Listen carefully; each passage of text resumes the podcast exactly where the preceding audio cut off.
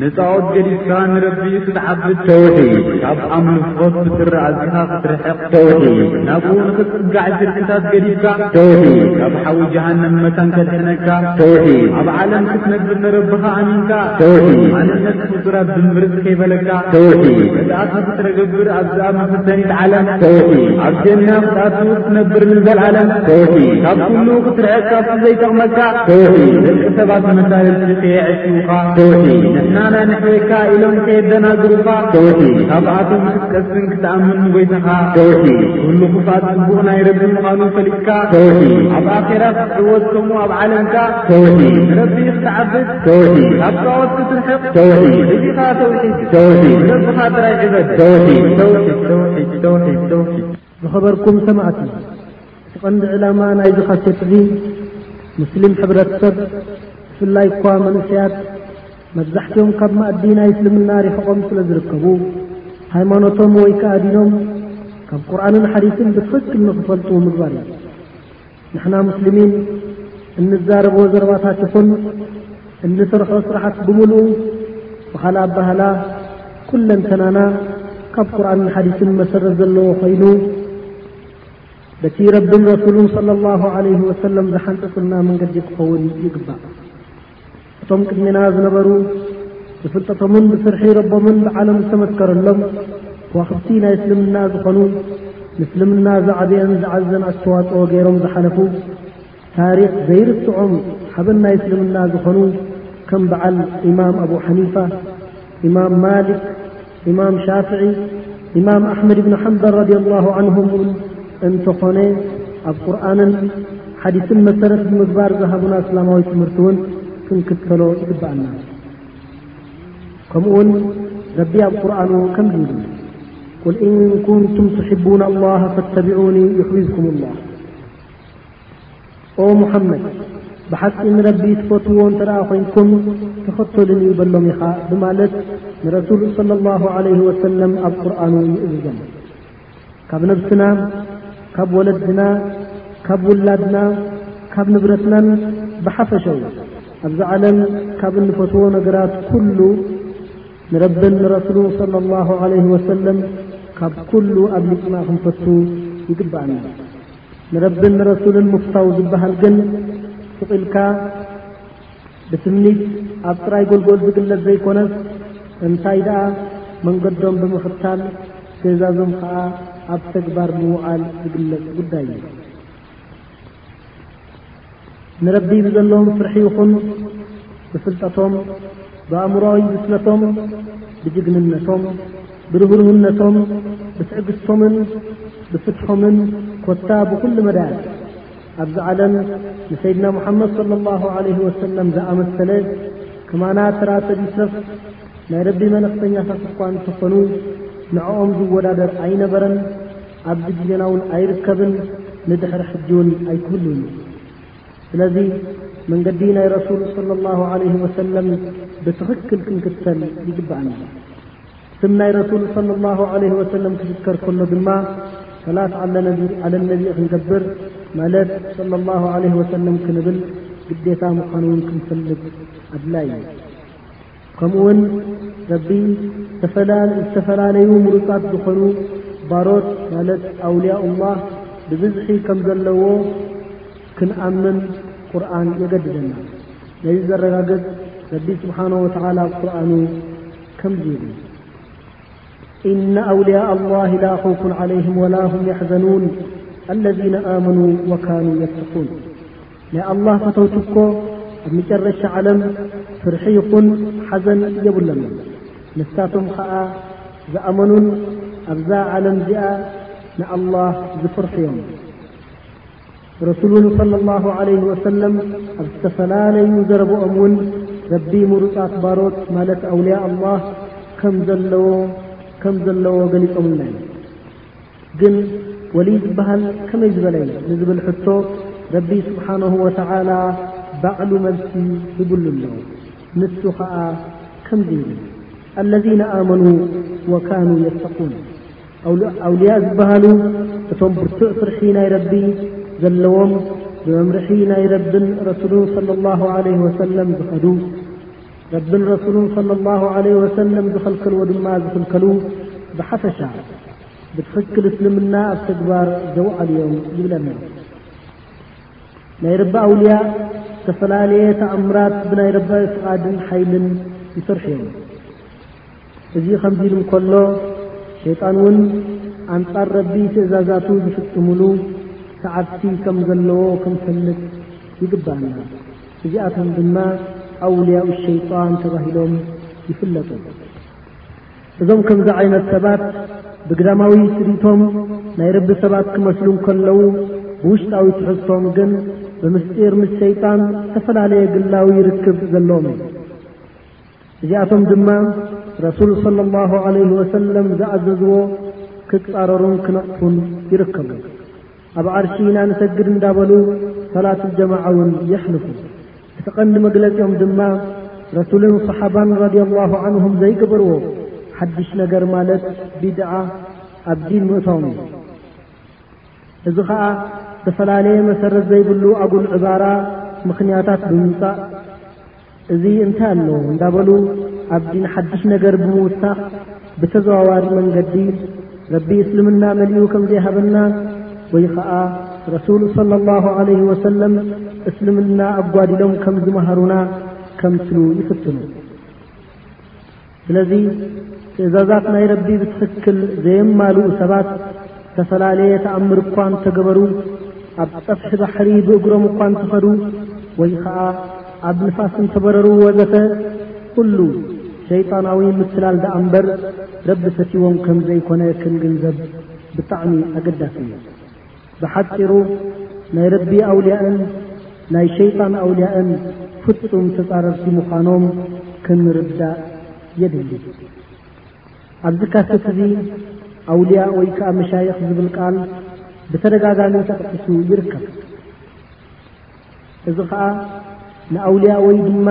መሻይኽ ምጽላእና ዘይኮነስ ሓደ ሓደ ግለ ሰባት ብዘይ ፍላጥ ብስም መሻይኽን ኣውልያእን ካብ እስልምና ፍጹም ወጻኢ ዝኾነ ግብርታት ክፍጽሙ ስለ ዝረኣዩ እሞ ኸኣ እዚ ተግባራቶም እዚ እቶም ናይ ረቢ ኣውልያ ይኹን መሻይኽ ዘይቅበልዎን ዘይድግፍዎን እኳ ደኣ ዘውግዝዎ ዝነበሩ ብምዃኑ ነዚ ነገር እዚ ግልፂ ንምግባር እዩ እምበኣርከ ክቡራት ሰማዕትና ኣብዚ ግዜና ንምንታይ ተፈጢረ ንምንታይ ከይመውት ዝብላ ሕቶታት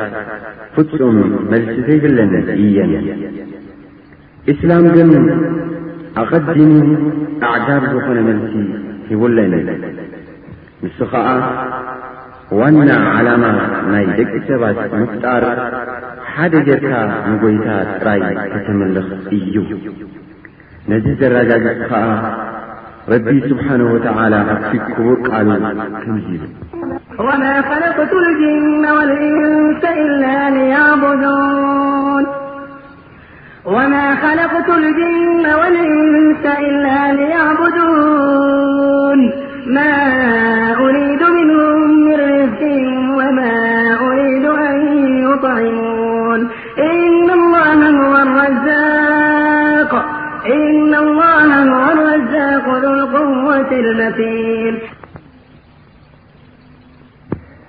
ጋኔንን ሰብን ንብሕተይ ንኽግዝኡኒ ደኣ እምበር ንኻልእ ኣይፈጠርክዎምን። ካብኦም ምንም ሽሻይ ኣይደልን፣ ንኽምግቡኒ እውን ኣይደልን። ንሱ ኣላህ ወሃብ ሽሻይን በዓል ብርቱዕ ሓይልን እዩ። ካብ ነቢላ ኖሕ ጀሚርካ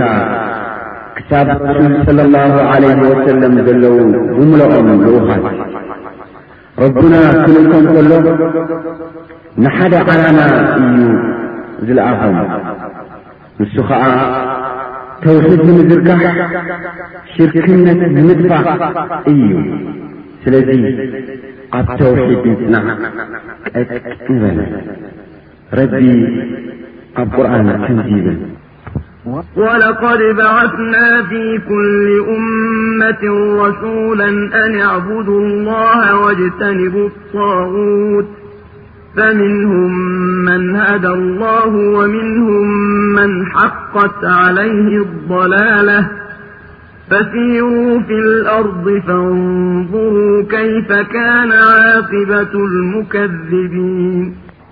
ናብ ኩሎም ኣሕዛብ መለክተኛ ልኢኽና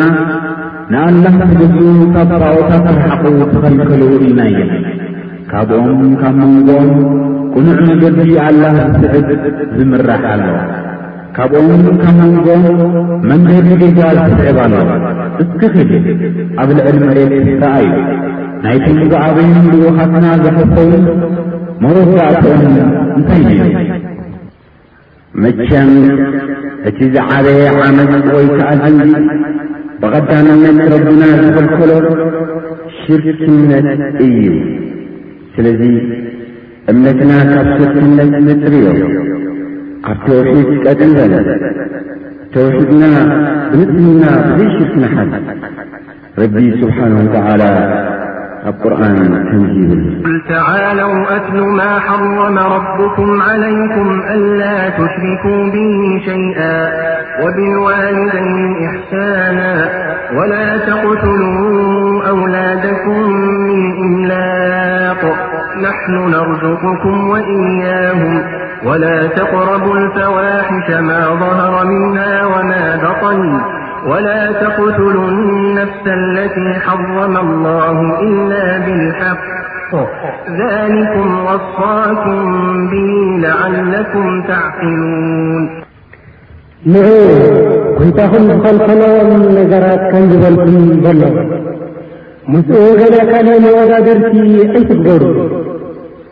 ንወለድኹም ሰናይ ግብሪ ግበሩ፣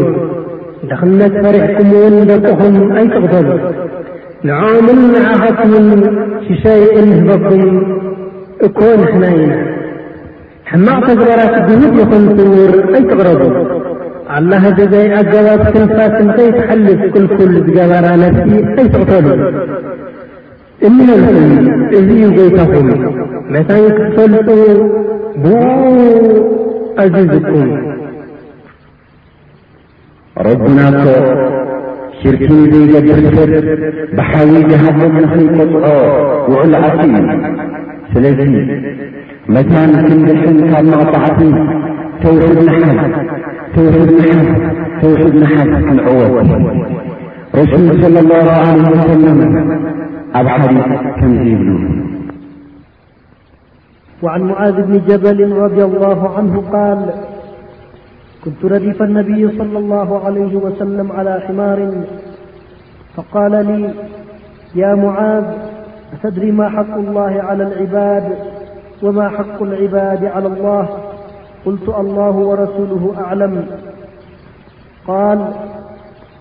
حق الله على العباد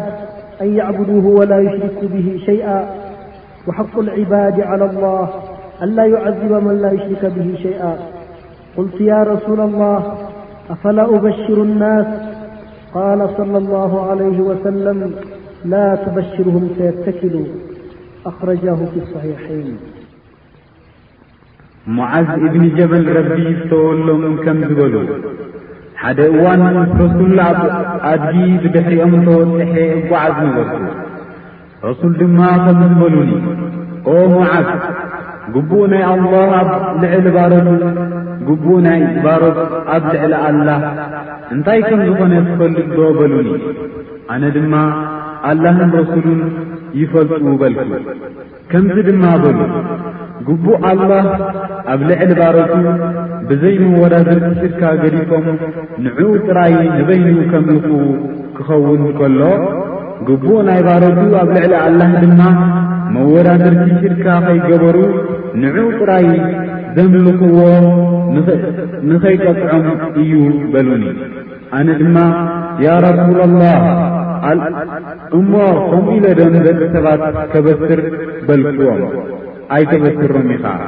መታን ካልእ ሰናይ ዝብሪ ገዲፎም ናብኣ ጥራይ ከይጽብዑ በሉኒ ኣስተውዕሉ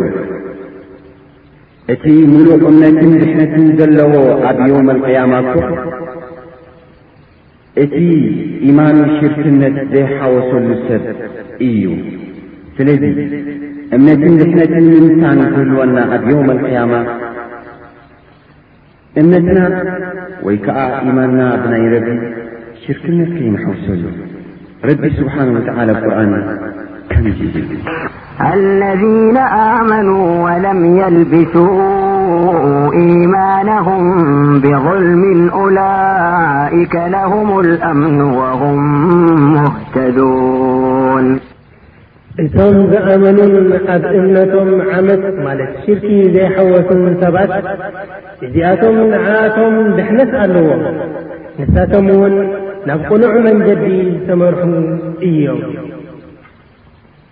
እቲ ዝዓበየን ዝበለጸን ዝኽሪ ወይ ከኣ ዚክር ኣብ ቅድሚ ረቡና እኮ ቃል ናይ ተውሒድ እዩ እሱ ኸኣ ላኢላሃ ኢላ ላህ ረሱል ሰለ ላሁ ዓለህ ወሰለም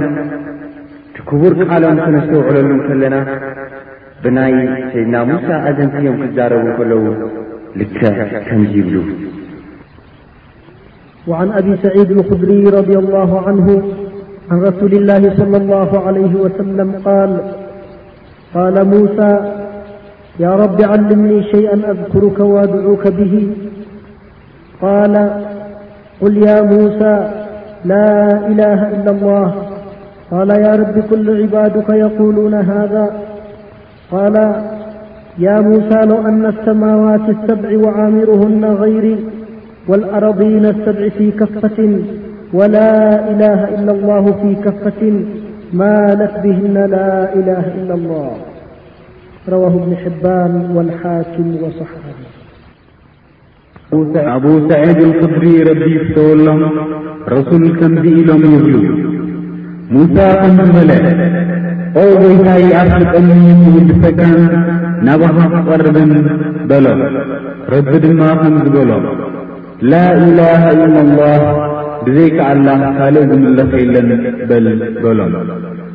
ሙሳ ድማ ከምዚ በለ፣ ኦ ጐይታይ፣ ኵሎም ባሮትካ ዝብልዎ እንድዩ በሎም። ረቢ ድማ ከምዚ በለ፣ ኦ ሙሳ፣ ሸውዓተ ሰማያትን ኣብ መንጎኡ ዝርከብን ሸውዓተ መሬትን ኣብ ሚዛን ኮፍ ተትብላ፣ ላኢላሃ ኢላላህ ኣብ ካልኣይ ሚዛን ኮፍ ተትብል ሓይሊ ሚዛን ናይ ላኢላሃ ኢላላ ምበለጸን ምበዝሐን ነይሩ በሉ። ዝሕግዝ ዝኾነ መግለጺ ናይ ተውሒድ ተውሒድ እንተ ሕዝና ዘንብና ይዕበይን ኣብቲ ዘይገድስ ረቢ ክምሐና ይኽእል እዩ ነዚ ዘረጋግጽ ከዓ ረሱል ስለ ላሁ ዓለ ወሰለም ኣብቲ ክቡር ቃሎም ምጥዕ ከምዝዮም ዝብሉ ወል ትርምዚ ሓሰና عن أنس قال سمعت رسول الله صلى الله عليه وسلم - يقول قال الله تعالى يا ابن آدم لو أتيتني بغراب الأرض خطايا ثم لقيتني لا تشرك بي شيئا لأتيتك بغرابها مغفرة وهذا حديث سي ኣነስ እብኒ ማሊክ ረቢ ይፍተወሎም ከምዚ ይብሉ ረሱል صለ ላሁ ዓለህ ወሰለም ጐይታ ከምዚ ይብል ኦ ኣታ ወዲ ኣዳም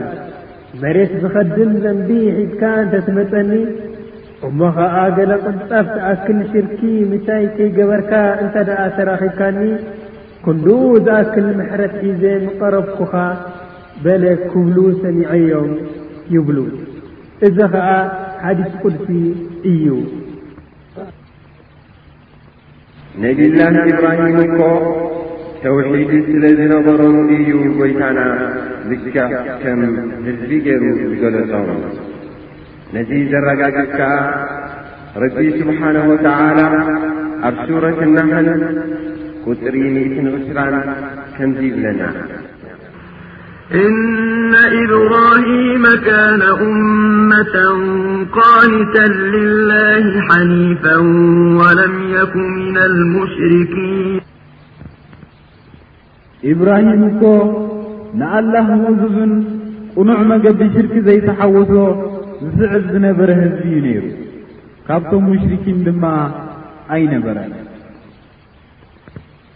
እቶም ናብ ሰናይ ተግባር ተቐዳደምቲ ዝኾኑ እሞ ኸዓ ብቐዳምነት ዝዕወቱ ሰባት እኮ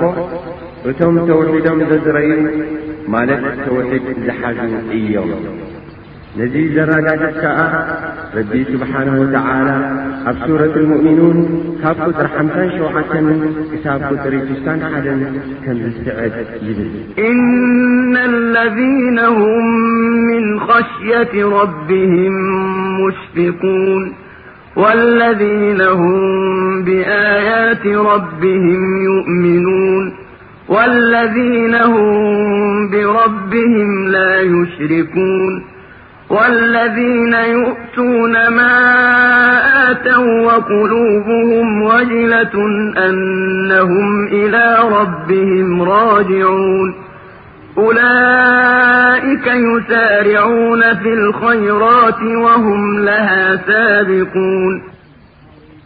ንሳቶም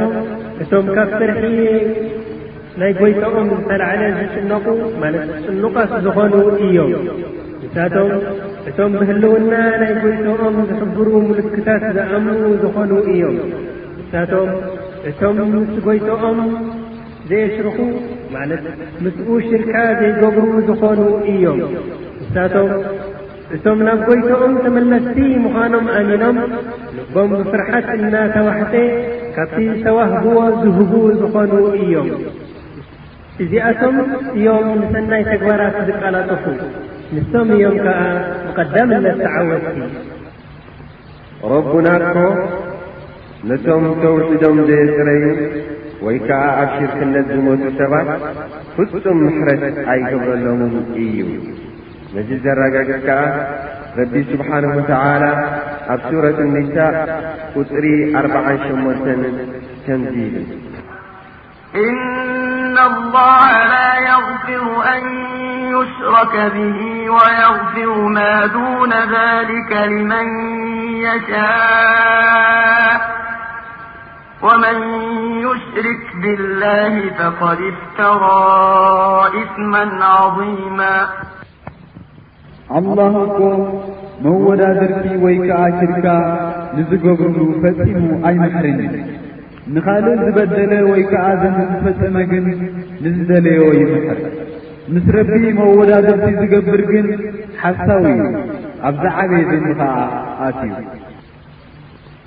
ኣስተውዕሉ፣ ሽርክነት ኣዝዩ ሓደገኛ ብምዃኑ መጠን ነቢላህ ኢብራሂም መራሒ ናይ ምእመናን ተባሂሎም ከይተረፉ ኦ ጐይታይ ንዓይን ንደቀይን ካብ ኣምልኾት ጣኦት ኣድሕነና ኢሎም ዱዓ ይገብሩ ነበሩ። ንሕና እውን ናይ ነቢላህ ኢብራሂም መንገዲ ብምኽታል ኣብዚ ዓዘቕቲ ሽርኪ ንኸይንወድቕ ኩሉ ግዜ ዱዓ ክንገብር ይግባእ። ነዚ ዘረጋግጽ ከኣ ረቢ ስብሓን ወተዓላ ኣብቲ ክቡር ቃሉ ኣብ ሱረት ኢብራሂም ቁጽሪ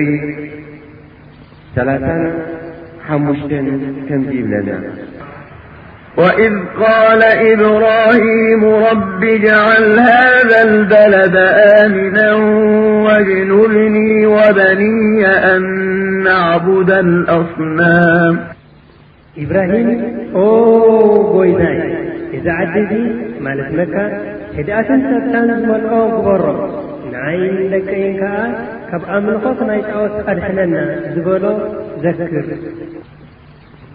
እቲ ኣዝዩ ዘፍርሖም ዝነበረ ንረሱል ሰለላሁ ዓለይሂ ወሰለም ኣብ ግዜ ሰሓባ ንእሽተይ ሽርኪ እዩ። ንዓና ከደኣ ኣብ ዓበይቲ ሽርኪ ከይተረፈ ጥሒልና ዘለና እንተዝርእዩናስ እንታይ ኮን ምበሉ? ነዚ ዘረጋግጽ ከኣ ኢማም ኣሕመድ ዘውረድዎ ሓዲስ ረሱል ሰለላሁ ዓለይሂ ወሰለም ከምዚ ይብሉና እነ ኣክወፈ ማ ኣካፉ ዓለይኩም ኣሽርኩ ኣስፈር ኣርያ እቲ ንዓኻትኩም ኣዝየ ዝፈርሓልኩም ንእሸይ ሽርኪ እዩ ንሱ ኸኣ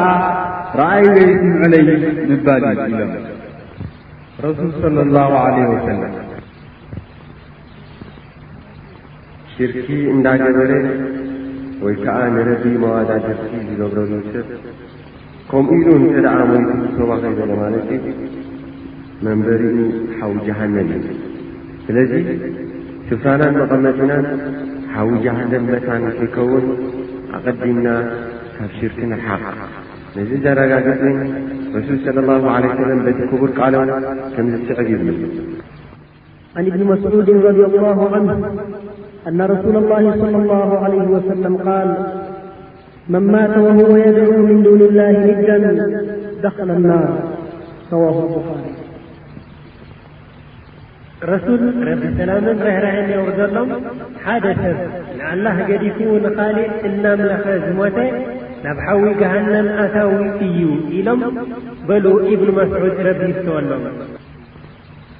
እቲ ትኽክለኛ መንገዲ ጻውዒት ዝገበሩሉን ዝደመዩሉን ነቢዩና ሙሓመድ ሰለ ላሁ ዓለይህ ወሰለም ከምኡ ውን ካልኦት ነቢያት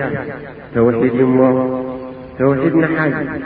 መታን መንገዲ ነቢያት ትረክብ ነዚ ዘረጋገጽ ውን ረቢ ስብሓንሁ ወተዓላ ኣብ ሱረት ዩሱፍ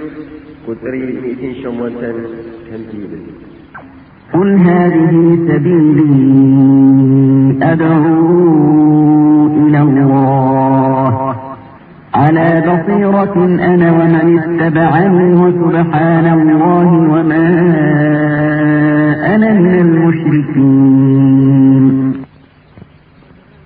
በሎም ኢኻ እዚ እዩ መገደይ ኣነ ምስ ዓርከይን ኣብ ፍልጠት ብዝተመርኮሰ መገዲ ጻውዒት ንገብረሉ ዘለና ካብ ጉድለት ንጹህ ዝኾነ ጐይታ ወደታ ይገባእዮ ኣነ እውን ካብቶም ሙሽሪኪን ማለት ምስ ረቢ ኻልእ ተገዛኢ ዝሕውሱ ኣይኮንኩን እቶም ዝቐረቡ ናብ ጐይታናኮ ናብ ረቦም ከቃራርቦም ዝኽእል ከምቲ ንሱ ዝኣዘዞም ካብ ኣስተምህሮ ናይ እስልምና ወይ ከዓ ሸሪዓ ወፃኢ እዩ ነዚ ዘረጋገፅ ከዓ ረቢ ስብሓነሁ ተዓላ ኣብ ሱረት ልእስራ ቁፅሪ ሓምሳን ሸውዓተን ትሕዚ ይብል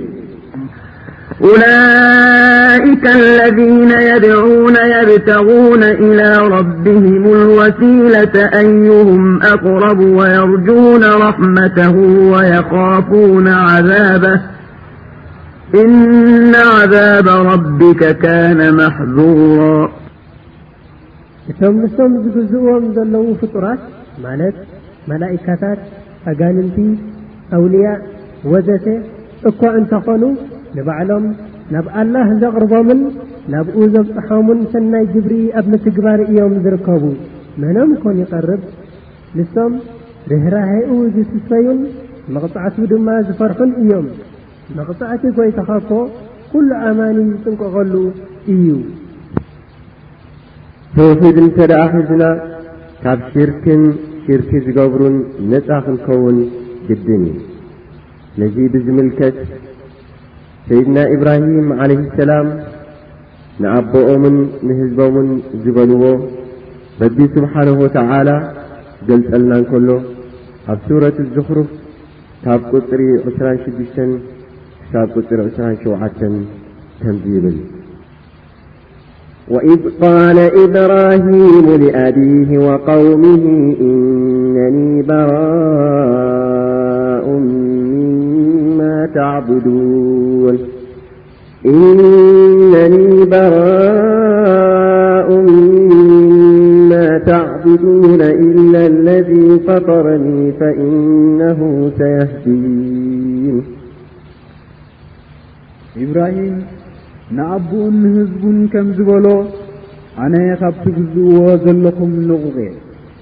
ምሳኹም'ውን ኣይጽንበርን፣ ብዘይካ ነቲ ዝፈጠረኒ፣ ንሱ ድማ መንገዲ ቅንዕና ክመርሓኒ እዩ በለ። ዝኾነ ነገር ተፈቒዱ ዝበሃል ረቢ ክፈቕዶ ከሎ፣ ተኸልኪሉ ዝበሃል እውን ረቢ ክኽልክሎ ከሎ ጥራይ እዩ። ካብዚ ሓሊፉ ግና ማንም ፍጡር ናይ ምፍቃድን ምኽልካልን ስልጣን የብሉን። ረቢ ዝኸልከሎ ተኽከላ ደሓን እዩ ኢሎሙኒ ረቢ ዝፈቐዶ ኸዓ ወልእከላ ከልኪሎምኒ ኢልካ እንተ ደኣ ትኽተል ኮንካ ንዕኦም ከም ዘምለኽካዮም እዩ ዝቝጸር እዚ ኸኣ ብቐንዱ ሽርኪ እዩ ስለዚ ኵሉ ብሮ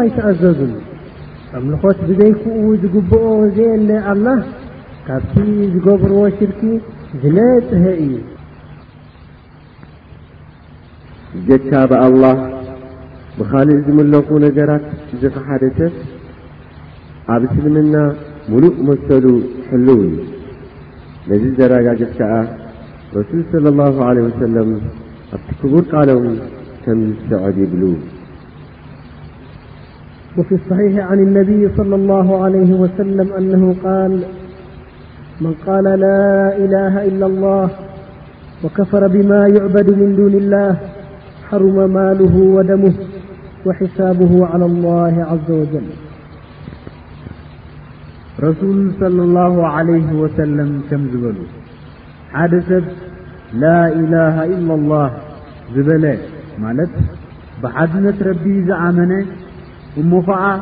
በቲ ብዘይካ ንኣላህ ንኻልእ ዝግበር ኣምልኾት ዝኸሓደ ኣብ ገንዘቡን ደሙን ዝትንክፎ የለን። ናይ ግብሩ ሓቅነት ምጽብጻብ ድማ ናይ ኣላህ ስራሕ እዩ በሉ። ዒባዳ ክበሃል ከሎ ሰላት፣ ስያም፣ ሓጂ ጥራይ ኣይኮነን። እንታይ ደኣ ብዙሕ ጫንፈራት ኣለዎ። ሓንቲ ካብኣተን ተወኩል ይኸውን ንሱ ኸኣ ብጀካ ረቢ ዝኾነ ይኹን ክጠቅም ወይ ከዓ ክጎድእ ክእለት የብሉን ነዚ ዘረጋግፅ ከዓ ረቢ ስብሓነ ወተላ ኣብ ሱረት ዙመር ቁፅሪ 38 ከምዚ ይብል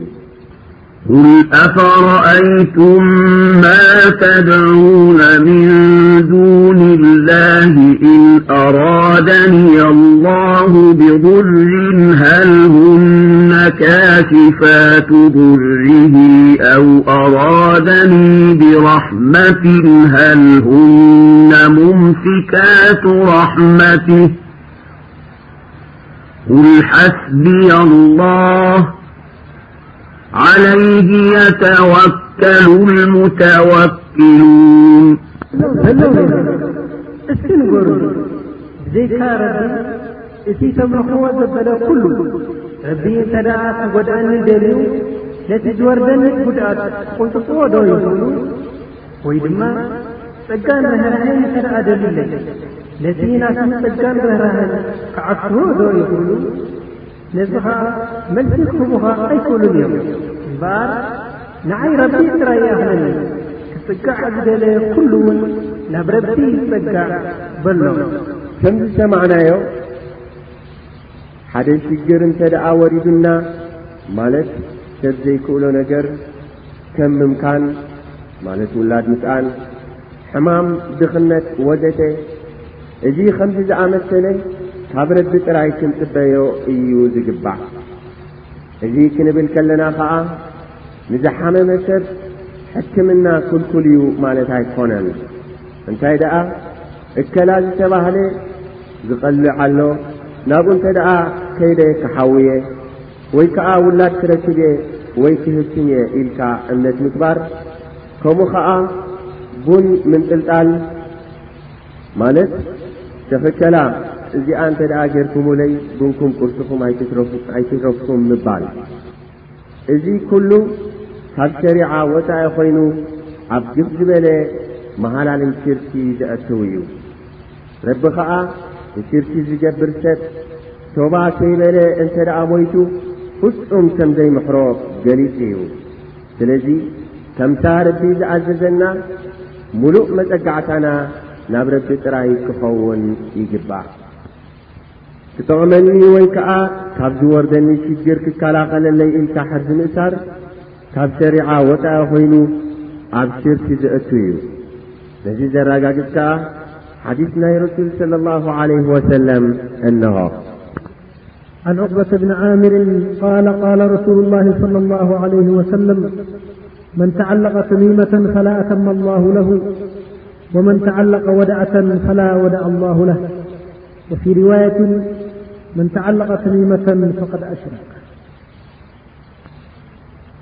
ሕርዚ ዝኣሰረ ንባዕሉ ይኹን ንኻልእ ረቢ ሓሳቡ ኣየስምረሉ ከምኡውን ካብ ሕማም ክወስሉ ዛዕጎል ዝኣሰረ ረቢ ቅሳነት ኣይሃቦ ኢሎም ረሱል صለ ላሁ ለ ወሰለም ተራጊሞም ይብል ዑቅባ እብኒ ዓምር ረቢ ዝተወሉ ነዚ ሕጂ ክንሰምዖ ዝጸናሕና ሓዲስ ማንም ኣስላማየ ዝብል ሰብ ዝመዝጎ ዘሎ ኣይመስለናን ምኽንያቱ ቃል ናይ ረሱል صለ ላሁ ዓለ ወሰለም ስለ ዝኾነ እሱ ኸዓ ሕርዲ ከምኡ ዝኣመሰለ ዝኣስር ሰብ ረቢ ሓሳቡ ኣየስምረሉ ቅሳነት ኣያሃቦ ኢሎም ብትርር ዝበለ መልክዕ ረሱል صለ ላሁ ለ ሰለም ረጊሞሞ እዮም ኣብ መርገም ናይ ረሱል صለ ላሁ ዓለ ወሰለም ክኣቱ ዝደሊ ሰብ ዘሎ ድማ ኣይመስለናን ምኽንያቱ ዓይንኻ እንዳረኣኻ ኣብ ሓዊ ጀሃነም ምእታው ማለት እዩ እዚ ከምዚ ኢሉ እንከሎ ካብቲ ዘሕዝን ነገራት ግን ገሊኤን ኣዴታትና ከምኡ ኸኣ ኣሓትና እዚ ሓዲስ እዚ ኣይበጽሐንን እዩ ይመስለና ወይ ከዓ ዘይተዓለመኦ ግዲ ኮይነን ኣብ ግዜ ጥንሰን ክኸውን ከሎ ዝተፈላለየ ዓይነት ክኣስራን ክገብራን ይርከባ ካብ ሕጂ ንንዮ ግን እዚ ነገር እዚ ክልኩል ምዃኑ ፈሊጥና ክንክልከል ይግብኣና። እንታይ ከእተወና ዘንብና ዘይከኣልናስ ኣብ መርገም ናይ ረሱል صለ ላሁ ለ ወሰለም ድማ ክንኣቱ ኣብ ዝኸፍአ ሽግርን መከራን ባዕልና ነፍስና ከነውድቓ እስኪ ንለብም ናብ ረብና ንመለስ ኣብ ተውሒድ ቀጥ ንበል ካልኣይ ብዛዕባ ናይ ምሕራድ ዝምልከት ኣስተውዕሉ ሰላትን ምሕራድን ከምኡ ኸዓ ካልእ እንገብሮ ዒባዳ ብምሉኡ ንኣላህ ጥራይ ክኸውን ኣለዎ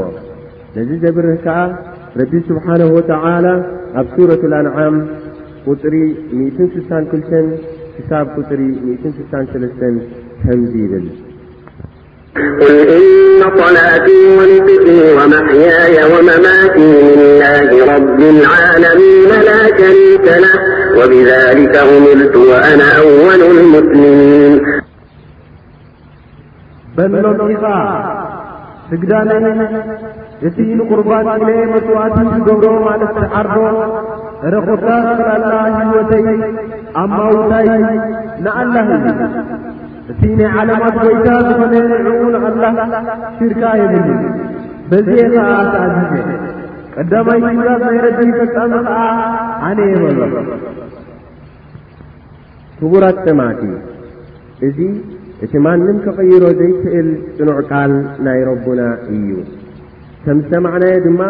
ሰላትን ምሕራድን ብሓደ ገይሩ ኣቋሪኑ ንዕኡ ንኣላህ ጥራይ ክኸውን ከም ዘለዎ ኣብሪሁ ካብዚ ሓሊፉ ግን ሰላት ክኸውን ከሎ ንረቢ ምስጋድ ኣብ ምሕራድ ግን ንቆሎ፣ ንዛርቲ፣ ንኣውደኣመት ከምኡ ኸኣ ንሸኽ እከላ ንወሊ እከላ ናይ ዓመቶም ኢልካ ዝሕረድ ኩሉ ካብ ሕግታት ናይ እስልምና ወፃኢ ኮይኑ ናብ ግብ ዝበለ መሃላልን ሽርኪ ዘእቱ እዩ። ካብ እስልምና እውን ሙሉእ ብሙሉእ የውፅእ። ስለዚ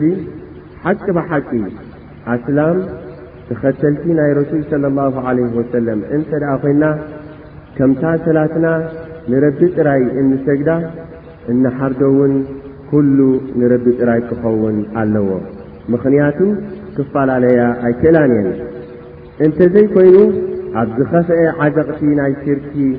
ኣቲና መጨረሽታና ሓዊ ጀሃንም ክኸውን ማለት እዩ መጠንቀቕታ ዝኾነ ይኹን ንረቢ ገዲፉ ንኻልእ ዝሓርድ ሰብ ረሱል صለ ላሁ ለ ወሰለም ረጊሞሞ እዮም ናይ ረሱል صለ ላሁ ለ ወሰለም መርገም ከኣ ዓጋቲ የብሉን ምኽንያቱ ናይ ምሩጣት ምሩጡ ፍቱ ካብ ኩሉ ፍጥረታት ናብ ኣላህ ስለ ዝኾኑ ስለዚ ኣይኮነን ናይ ረሱል صለ ላሁ ዓለ ወሰለም መርገም ናይ ካልእ እኳ እንተኾነ ሓደገኛ እዩ እሞ ረቢ ይሓልወና ነዚ ዘብርህ ከኣ ኣብቲ ክቡር ሓዲስ ናይ ረሱል صለ ላሁ ለ ወሰለም ከምዚ ይብል ዋን ዓልይ ረድ ላሁ ዓንሁ ቃል ሓደሰኒ ረሱሉ ላህ صለ ላሁ ዓለይህ ወሰለም ብኣርበዒ ከሊማት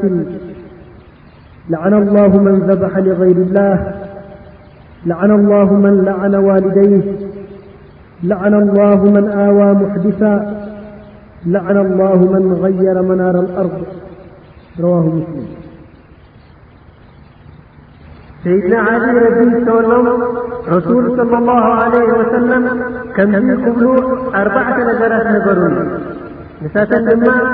ንኣላህ ገዲፉ ንኻልእ ንቁርባን ዝሓረረ ሰብ ረቢ ካብ ርህራሄኡ የርሕቆ፣ ንወለዱ ዝረገመ ወይ ዝጸረፈ ሰብ ረቢ ካብ ርህራሄኡ የርሕቆ፣ ነቲ ኣብ ዲን ሓድሽ ነገር ዘእቱ ማለት ኣብቲ ናይ ረቢ ትእዛዛት ሰይድና ሙሓመድ ሰለ ላሁ ዓለይሂ ወሰለምን ሰሓባን ዘይገበርዎ ግብርታት ንዝፍጽም ዝድግፍ ሰብ ረቢ ካብ ርህራሄኡ የርሕቆ ከምኡ ውን ናይ ሕርሻ መሬት ይኹን ናይ ገዛ መሬት ዝረፍዐ ረቢ ካብ ርህራሄኡ የርሕቆ ዝብላ እየን ይብሉ እዚ ሓዲስ እዚ ከም ዝተማዕናዮ ንብርህራህ ዘየድልዮ ንኹሉ ግልፂ እዩ ግን ሓደ ሓደ ኣድላይ ዝበልናዮ ንምዝካር ዝኣክል ኣብዚ ሓዲስ እዚ እንተ ደኣ ኣስተውዒልና ካብቶም ኣርባዕተ ዓይነት ሰባት ረሱል صለ ላሁ ዓለ ወሰለም ዝረገምዎም ብቐዳምነት ንረቢ ገዲፉ ንኻልእ ዝሓርስ ሰብ መርገሞም ብእኡ ጀመሩ እዚ እንታይ የረድኣና ንረቢ ገዲፍካ ንኻልእ ምሕራት እቲ ዝዓበየ ሽርኪ እሞ ኸኣ ቶባ እንተደልካ ዘይመሓር ዘንቢ ምዃኑ እዩ ገሊኦም ሰባት ግን ኣብዚ ጥፍኣት እዚ ጥሒሎም ይርከቡ እዚ ኸኣ ንምንታይ ንረቢ ኢልኩም ኣብ ገዛኹም ሓዲርኩም ዘይትስደቁ ንሸኽ እከላ ንወሊ እከላ ናይ ዓመቶም ናይ ሰሙኖም እንዳበልኩም ተሓርዱ እንተበልካዮም ገሊኦም ምንም ዘይፈልጡ ሓንቲ መልሲ ክህቡኻ ኣይክእሉን ገሊኦም ድማ ኣይፋልናን ንሕና እኮ ንረዲ ኢና ንዓርዶ እንታይ ደኣ እቲ ኣጅሩ ወይ ከዓ ሰዋቡ ኢና ንዕኦም ንብሎ ይብሉኻ እዚ ግን ኣገባቡ ጌጋ እዩ ምኽንያቱ ዓመታዊ ይኹን ሰሙናዊ ፈሊኻ ምሕራት ረዲ ዘይኣዘዞ ረሱል صለ ላሁ ዓለ ወሰለም እውን ዘይፈቐድዎ ሰሓባ ከምኡ ውን ታብዕን እውን ዘይገበርዎ እዩ ስለዚ ካብ ምንታይ ኣምጺእኩሞ ኢልካ ተመሊስካ እንተ ሓተትካዮም ካብ ቁርን ይኹን ካብ ሓዲስ መሰረት ስለ ዘይብሉ ከምኡ ኸዓ እቶም ኣእማ ማለት ኢማሙ ላዕዘም ኣብ ሓኒፋ ከምኡ ውን ኢማም ሻፍዒ ከምኡ ውን ማሊኪ ከምኡ ውን ኢማም ሓምበሊ ካልኦት ውን ከምኦም ዝኣመሰሉ ዑለማ ዘወገድዎ ስለ ዝኾነ መልሲ ክረኽቡልካ ኣይክእሉን እዮም። ኮይኑ ተሪፉ ዝህቡኻ መልሲ ጸርፊ ጥራይ እዩ። እዚ እዩ ኸኣ እቲ ዝዓበየ ጥፍኣት። ስለዚ እዚ ስራሕ እዚ ንዝመጽእ ወለዶ ሓደገኛን መንገዲ ሽርኪ ዝመርሕ ስለ ዝኾነ ነፍሲ ወከፍ ኣስላማይ እየ ዝብል ነዚ ነገር እዚ ብዝኸኣሉ ዓቕሚ ክቃለሶ ይግባእ። ካብ ዘንድን ዘንዲ ዝፍጸመሉ ኸኣ ወይ ከኣ እረ ሕግታት ናይ ስልምና ዝስራሓሉ ቦታ ክርሐቕ ከም ዘለና ብትርር ዝበለ መልክዕ ረቢ ስብሓንሁ ወተዓላ ኣብቲ ክቡር ቃሉ ኣብ ሱረት ተውባ ቁፅሪ ሚእትን ሸሞንተን ከምዚ ይብል لا تقم فيه أبدا لمسجد الأسس على التقوى من أول يوم أحق أن تقوم فيه فيه رجال يحبون أن يتطهروا والله يحب المطهرين ኣብቲ ቦታ እቲ ማለት ኣብ መስጊድ ጅራር ከይትሰግድ ካብ መጀመርትኡ ኣትሒዙ ኣብ ፍርሒ ረቢ ብቕንዕና ዝተመስረተ መስጊድ ማለት ኣብ መስጊድ ቁባእ ደኣ ክትሰግድ ይግብኣካ ኣብ እኮ ንጽህና ዝፈቱ ሰባት ኣለዉ ኣላህ ድማ ንጹሃት ይፈቱ ካብ ደንቢ ዝፍጸመሉ ወይ ከኣ ጸረ ሕግታት ናይ እስልምና ዝስራሓሉ ቦታ ክርሕቕ ከም ዘለና ኣቐዲምና ሰሚዕናዮ ኣለና። እዚ ከምዚ ኢሉ እንከሎ ግን ገሊኦም ኣቦታትና ከምኡ እውን ኣሕዋትና ሎመዓልቲ ናይ ሸኽ እከላ ዓመቶም እዩ ክንከይድ ክንባረኽ ኢሎም ኣብቲ ቦታቲ ይኸዱ እዚ ድማ ከምዚ ኣቐዲምና ዝገለጽናዮ ወይ ከዓ ከምቲ ኣቐዲምና ዝገለጽናዮ ዓመታዊ ይኹን ሰሙናዊ ጌርካ ቦታ ፈኒኻ ምሕራድ ብሸሪዓ ኩልኩል ስለ ዝኾነ ኣብቲ ከምኡ ጌርካ ዝሕረደሉ ቦታ ክርከብ ኣይፍቀድን እዩ ምኽንያቱ ደንቢ ስለ ዝፍፀሞም እዩ ዘሎ ከምኡ እውን ብዙሓት ኣሕዋት እንዳ መስተኣትዮም ኮካ ክሰትዩ ይርከቡ እዚ ግን ወላ መስተ ደኣ እምበር ኣይሰዩ ኣብቲ ቦታ እቲ ምርካቦም ንባዕሉ ምስልምና ኣይፍቀድን እዩ ከምኡ እውን እንዳ ጠላዕ ዳንሲ ቤት ማለት ሙዚቃ ዝግበረሉ ቦታ ኮታ ካብ ኩሉ ረቡና ዝፀልኦ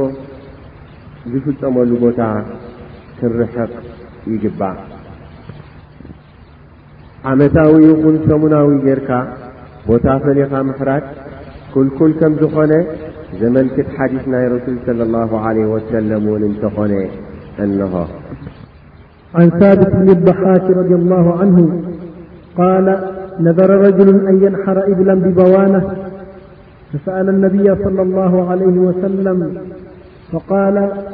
هل كان فيها وصن من أوثان الجاهليات يعبد قالوا لا قال فهل كان فيها عيد من أعيادهم قالوا لا فقال رسول الله صلى الله عليه وسلم أوف بنذرك فإنه لا وفاء لنذر في معصية الله ولا فيما لا يملك بن آدم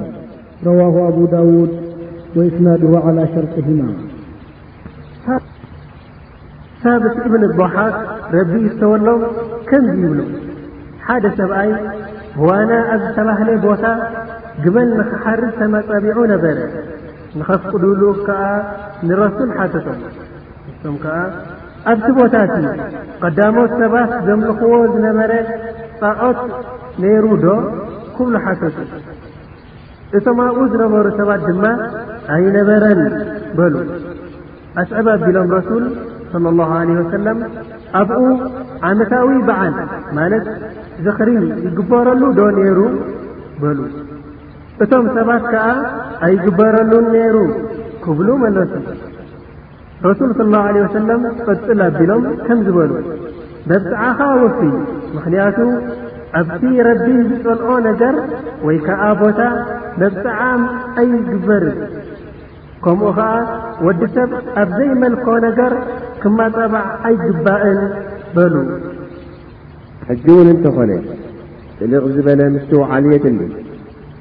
መቸም እዚ ሓዲስ እዚ ናይ ረሱል ሰለ ላሁ ዓለይህ ወሰለም ስለ ዝኾነ ዝኾነ ይኹን ኣስላማ እየ ዝብል ሓንጎፋይ ኢሉ ክቕበሎ እንተ ዘይኮይኑ ዕፃይ ምፃይ ዝብሎ ኣይመስለናን ንዕኡ ንምብራህ ከኣ እቲ ግመል ክሓርድ ኣቡዋና ዝተባህለ ቦታ ተማጣቢዑ ዝነበረ ሰብ ንረሱል صለ ላሁ ዓለ ወሰለም ንኸፍቅዱሉ ምስ ሓተቶም ካብተን ንኸይገብረን ንኽኽልክልዎ ኢሎም ዝሓተትዎ ሕቶታት ኣብቲ ቦታ በዓልዶ ይግበረሉ ነይሩ ትብል ነበረ እዚ ኸዓ ዒድ በዓል ዝበሃል ሰሙናዊ፣ ወርሓዊ ወይ ከኣ ዓመታዊ ፈሊኻ እተብዕሎ ከም ዝኾነ ንኹልና ግልጺ እዩ። እዚ ኸኣ ልክዕ ኣብዚ ግዜና እዚ ዝግበር ዘሎ እዩ። ንሱ ኸኣ ናይ ሰፍ እከላ ሰሙኖም ናይ ወሊ እከላ ዓመቶም እዩ እንዳበልካ ብድምቕ ዝበለ ብድምቕ ዝበለ መልክዕ ተቢሩ ይውዕል። እዚ ግን ከምቲ ኣቐዲምና ዝዘከርናዮ ካብ ሸሪዓ ወፃኢ እሞ ረሱል صለ ላሁ ዓለ ወሰለም ክኽልኩሉ ወይኖም ዝሓተትሉ እዩ እዚ ንኸይግልእ ግን ገሊኦም ዑለማእ ረቢ ዘይፈርሑ ቀዲሮሞ ይርከቡ ኣለዉ ኣብ ቅድሚ ረቢ ኸዓ ብኸቢድ ሓላፍነት ተሓተት እዮም ገሊኦም ድማ ፈላጣት ኢና በሃልቲ ቁርኣን ኣይፍሰርን እዩ እንዳበሉ ሽፋን ብምግባር ህዝቢ ከይፈለጠ ደንቂሩ ክነብር እሞ ብዝሃብዎ መምርሒ ተኸቲሉ ዓይኑ ዓሚቱ ክኸይድ እዩ ሓሳቦም ይመስለና እምበር ቁርን እንተዘይተፈሲሩ ወይ ከዓ እንተዘይተተርጉሙ ከመይ ጌርና ድኣ ክንፈልጦ ብምንታይ ከ ክንምራሕ? መምርሒና እኮ ቁርኣንን ሓዲስ ናይ ረሱል ሰለላሁ ዓለይሂ ወሰለምን እዩ። ስለዚ ቁርኣን ትርጉሙ ትርጉሙ ክንመሃሮ ኣለና። ብኡ ኸኣ ተመርሕና ክንከይድ ይግባእ።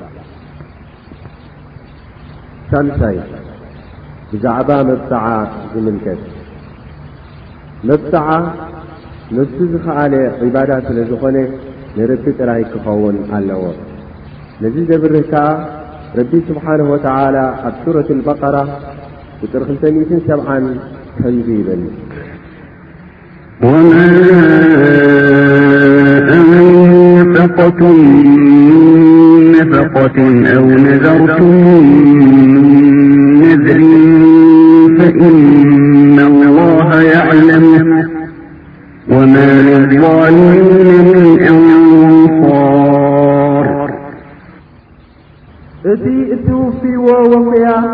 ወይ ድማ እቲ እትመጻብዕዎ መብጽዓ ረቢ ይፈልጦ እዩ ዓመፀኛታት ግና ዝረድኦም የብሉም ከም ዝሰማዕናዮ መብጽዓ ንረቢ ጥራይ እዩ ዝግባእ ካብዚ ወጻኢ ግን ኦ ሸኽ እከላ እዚኣ እንተጌርኩሙለይ ቡንኩም ቁርስኹም ኣይትስኣኑ እንዳበልና እንማጣበዖ ኩሉ ሽርክ እዩ። ገሊኦም ሰባት ግን ብዘይ ፍልጠት ኣብ ጸሊም ባሕሪ ናይ ድንቁርና ጥሒሎምን ኣዒንቶም ብመጋረጃ ተጋሪዶምን ይርከቡ።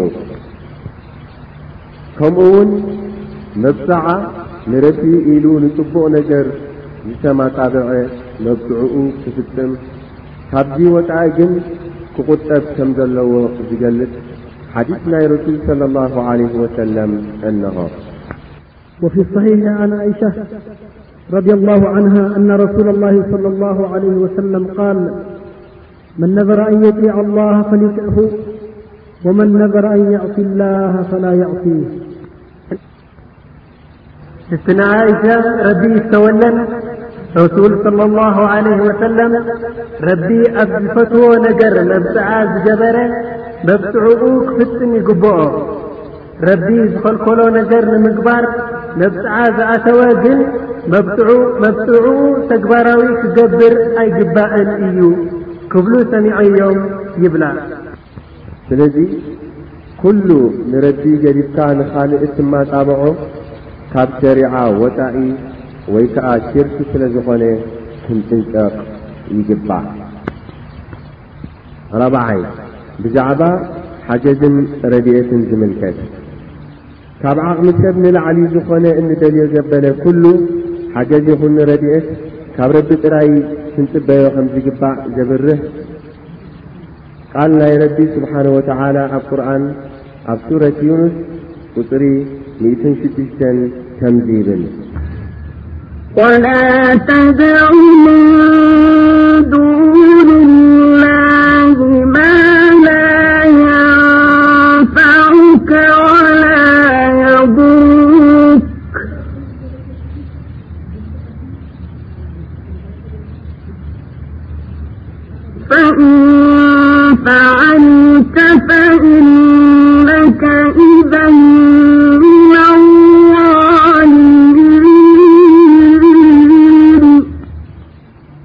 ንረቢ ገዲፍካ ንኻልእ ከይተምልኽ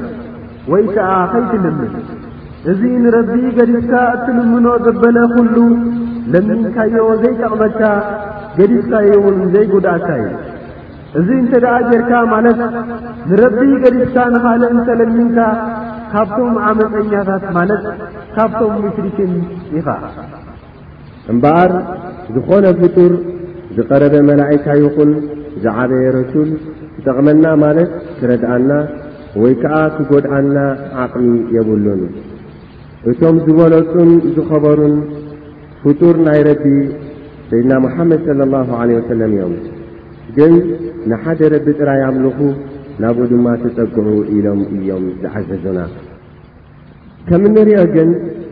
ውላድ እንተሰኣንካ ወይ ሕማም እንተ ኣጣዓካ ኣብ ክንዲ ናብ ረቢ ተጸጊዕካ ብሸሪዓ ዝተፈቐደ ሕክምና ምግባር ናብ ፎቖዶ ጠንቆልትን ዝቖልዑ ኣለዉ መሻይኽን እንዳበልካ ክኽየድ ይረኤ። እዚ ግን ጌጋን ኣብ ሽርኪ ዘእትውን ስለ ዝኾነ ትዕግስቲ ጌርና ናብ ረቢ ጥራይ ክንጽጋዕ ይግባእ። ሕጂ እውን እንተኾነ ከም ዓይኒ መርፍእ እኳ እንተጸበበና